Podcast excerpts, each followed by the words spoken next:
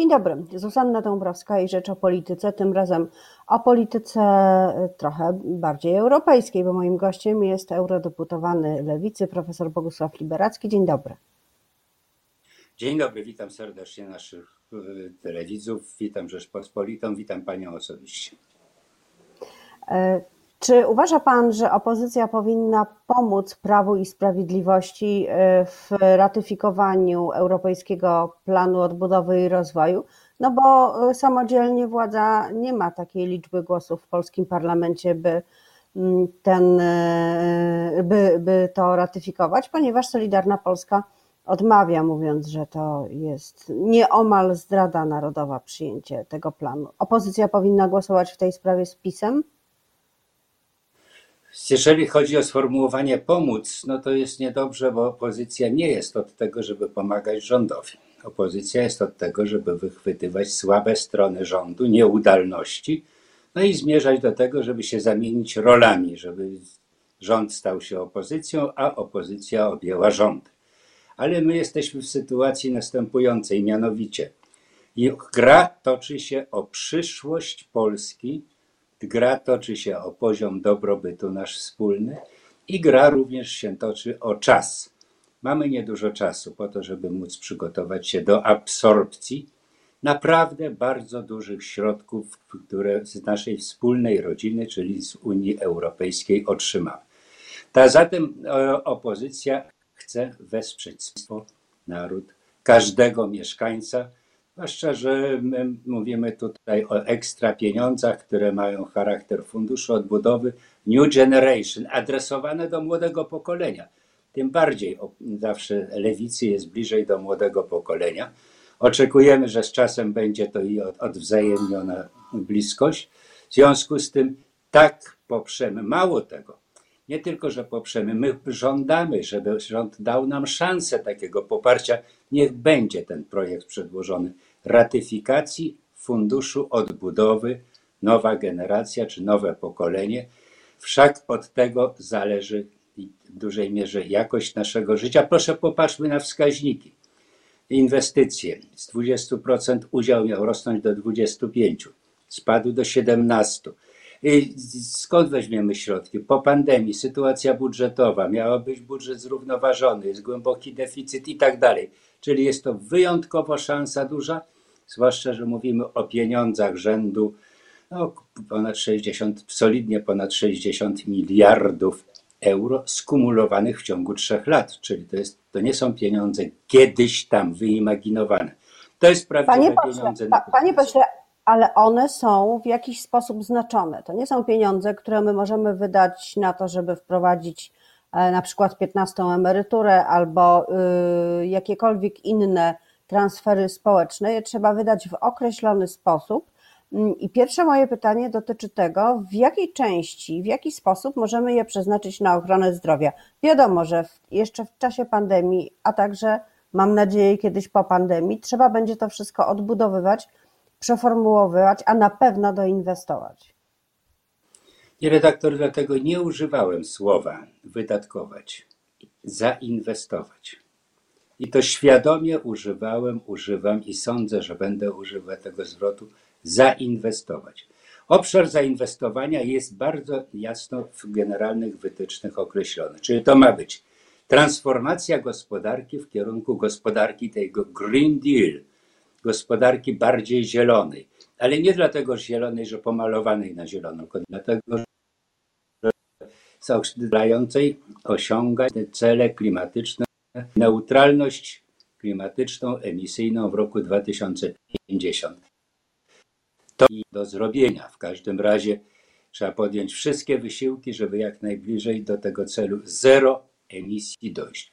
Drugi obszar i kryterium bardzo ważne to jest nowoczesność, czyli digitalizacja. Tak to się nazywa. A zatem tak każdy wydatek, nie 15 czy 17 emerytura, otóż nie, każdy wydatek, który by oznaczał jeszcze jedna kopalnia węgla. Nie. Nie każdy wydatek, który by oznaczał jeszcze jedna brudna huta z pieniędzy europejskich. Otóż nie. Ale wydatek, który oznacza, szukamy nowego źródeł, nowych źródeł napędu, szukamy nowych źródeł generowania z produkcji stali, nowych technologii. Zdecydowanie tak. I również idą, przewidziane są inwestycje na badania, rozwój y, w medycynie. Chcielibyśmy po doświadczeniu z COVID-19 być jako Unia Europejska przygotowani przemysłowo, gospodarczo, pod względem zdolności produkcyjnej, ale także badań naukowych do tego, żeby można było szczepionki w krótkim okresie czasu opracowywać i w krótkim okresie czasu w kraju produkować i uniknąć tej sytuacji, której jesteśmy świadkami lub nie europejskie, w którymś momencie szandą Komisji Europejskiej znaleźli w takiej sytuacji. Pieniądze, te wielkie pieniądze, mówimy o tych y, około 65 miliardów euro w ciągu trzech lat wprowadzone w obieg gospodarczy Polski w Unii Europejskiej jest to 750 miliardów. To jest ta szansa. I my powinniśmy też wziąć pieniądze jak najszybciej po to, żeby nie mieć opóźnienia w stosunku do innych państw. To skorzystamy później, stracimy pewną e, czas. Panie profesorze, a jak idzie y, cały ten proces ratyfikacji? Przecież wszystkie kraje członkowskie e, muszą e, ratyfikować ten fundusz. Czy rzeczywiście jest tak, że inni mogą nas wyprzedzić w opracowaniu planów? No bo kryteria, one dobrze brzmią, ale one wymagają bardzo dużej pracy y, co do tego, żeby się w nich utrzymać i żeby mieć też dobre koncepcje na wydanie tych pieniędzy. Wydaje się, że rzecz powinna się drogą. Ja spodziewam się, że jest takie ministerstwo, tak w moim domyśle to powinno być Ministerstwo Rozwoju, czegoś tam jeszcze, ta nazwa jest długa, skomplikowana, ale domyślamy się, o które ministerstwo chodzi, chyba wszyscy jednoznacznie, które, jak rozumiem, bardzo dokładnie nad tym pracuje, choć robi to nadzwyczaj dyskretnie, bo konkretnych informacji żadnych nie ma. Sama ratyfikacja wydaje się sprawą bardziej prostą, czyli rząd przygotowuje do Sejmu skierowany akt, projekt ustawy o ratyfikowaniu Funduszu Odbudowy przez Polskę. I parlament nad tym głosuje. Nie obawiałbym się i nie, myślę, że premier nie powinien czekać, aż będzie pełna jedność w koalicji, bo może się tej pełnej jedności w koalicji nie doczekać, lub też zapłacić jakąś inną cenę gdzieś przy innego rodzaju. E, Lewica, klub Lewicy na pewno poprze i to będzie więcej głosów niż klub, e, niż grupa posłów Solidarnej Polski. Koalicja Obywatelska, według moich informacji, również poprze taki wniosek, pewnie i Koalicja Polska.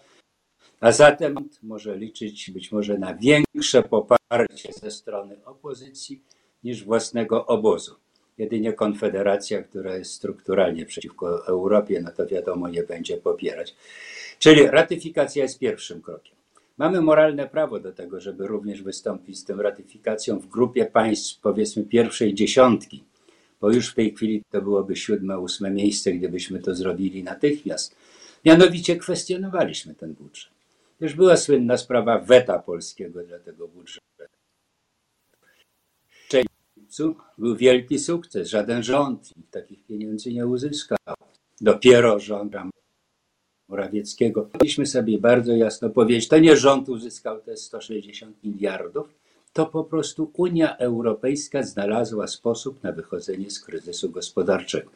Ten sposób na wychodzenie z kryzysu gospodarczego na poziomie prawie 800 miliardów, to jest za rozwiązanie. W związku wymaga ratyfikacji. Państwa z tych 7, prawie 800 miliardów korzystają. Dla Polski jest przewidziana kwota około 65 miliardów euro. Trzeba ten system, nowe rozwiązanie ratyfikować. I ratyfikujmy to możliwie szybko. Pamiętajmy, że jest jeszcze jedno ograniczenie, czy będzie, mianowicie praworządność bo tego nikt z rozporządzenia nie wycofał. I nie wycofa, moim zdaniem. Ale to tym bardziej ratyfikować, przygotowywać koncepcję, taką strategię wdrażania tego y, projektów inwestycyjnych i uporządkować, to były trzecie zadanie, sprawy zastrzeżeń do praworządności w Polsce. Panie pośle, y, wspomniał Pan o sytuacji, w której znalazła się Unia Europejska w związku ze szczepionkami i w związku z tym, że jesteśmy wszyscy od przewodniczącej Komisji Europejskiej po nas tu rozmawiających i wszystkich mieszkańców wszystkich krajów członkowskich zdani na te wielkie firmy farmaceutyczne e, w sprawie własnego zdrowia, może nawet życia. Czy Pan sądzi, że powinna się tu pojawić jakaś bardziej przełomowa e, propozycja komisji, na przykład e, wykupienie patentu, praca nad udostępnieniem tego patentu szczepionkowego, tak, żeby europejskie firmy mogły już teraz e, produkować szczepionki i przyspieszyć cały ten proces walki z pandemią? Tak, i tutaj również Komisja Europejska i pani przewodnicząca Ursula von der Leyen wydaje się dokonała bardzo pewnego oświadczenia na ostatnim posiedzeniu plenarnym Parlamentu Europejskiego, a mianowicie Komisja nie może zostać bezsilna w stosunku do wielkich firm farmaceutycznych. Po drugie, musimy zbadać wszystkie mechanizmy gospodarcze i, i wpływu gospodarczego na firmy farmaceutyczne. Po trzecie, jesteśmy w fazie stale dokonywania zakresu, w którym jest tylko gra rynkowa i w zakresie, w którym jest również kontrola przez sektor publiczny. I wydaje się, że w kierunku określenia tych obszarów, w których racja płynna, potrzeby powinny być i zwłaszcza, że są w mierze określone, nie krępuję się powiedzieć tego słowa, narzucane przez sektor publiczny w skali wspólnoty przez Komisję Europejską, no i również przy akceptacji Parlamentu i Rady, być może w skali narodowej również przez rządy. Jest swego rodzaju odwrót od tej pełnego urynkowienia wszystkiego po tym doświadczeniu, w którym się znaleźliśmy. Bo pamiętajmy, komisja jest oskarżana w tej chwili o bardzo różne rzeczy. Ale z naszego polskiego punktu widzenia, to co stało się dokładnie rok temu, to Komisja Europejska była pierwsza, która desygnowała środki na badania nad szczepionką. Komisja Europejska była też pierwsza, która powiedziała, że zasada zamówień publicznych nie obowiązuje w określonej sytuacji związanej z pandemią. Komisja Europejska była też tą pierwszą, która desygnowała kwoty na pomoc bezpośrednią dla państw członkowskich. Potem komisja dokonała zamówienia szczepionek, a jeszcze Europejska Agencja Leków przeprowadziła sprawnie protyfikacji. Zamówione szczepionki rozdzielone plany międzypaństwowskie w funkcji proporcjonalnej do tego stanowiska Komisji tych działań. Gdyby każde państwo kupowało e, osobno szczepionki, to należałoby się liczyć, że po pierwsze cena byłaby dużo wyższa, przecież konkurowalibyśmy między sobą. Polska, Niemcy, Francja, Włochy, ten by dostawał, kto więcej zapłaci, prawda? Mówię o państwach członkowskich o dużej populacji, od 40 milionów ludzi wzwyż. Czy nas było, byłoby na to stać? Ale nie koniecznie. Kto by proces certyfikacji tych leków, uznawania, dopuszczenia? Także chciałbym, żeby w naszej debacie publicznej wybrzmiało, Komisja Europejska sprawdziła się na tym etapie. Znaleźliśmy się w sytuacji e, tej egzekwowania siły monopolu przez koncerny farmaceutyczne. Razem musimy znaleźć remedium na to, żeby potraktować ewentualnie to jako monopol naturalny, a monopol naturalny ma to do siebie, że jest regulowany albo ściśle regulowany. Bardzo dziękuję za tę analizę i za tę rozmowę. Moim gościem był profesor Bogusław Liberat, kierowany Lewicy. Dziękuję bardzo słuchaczom, dziękuję pani redaktor.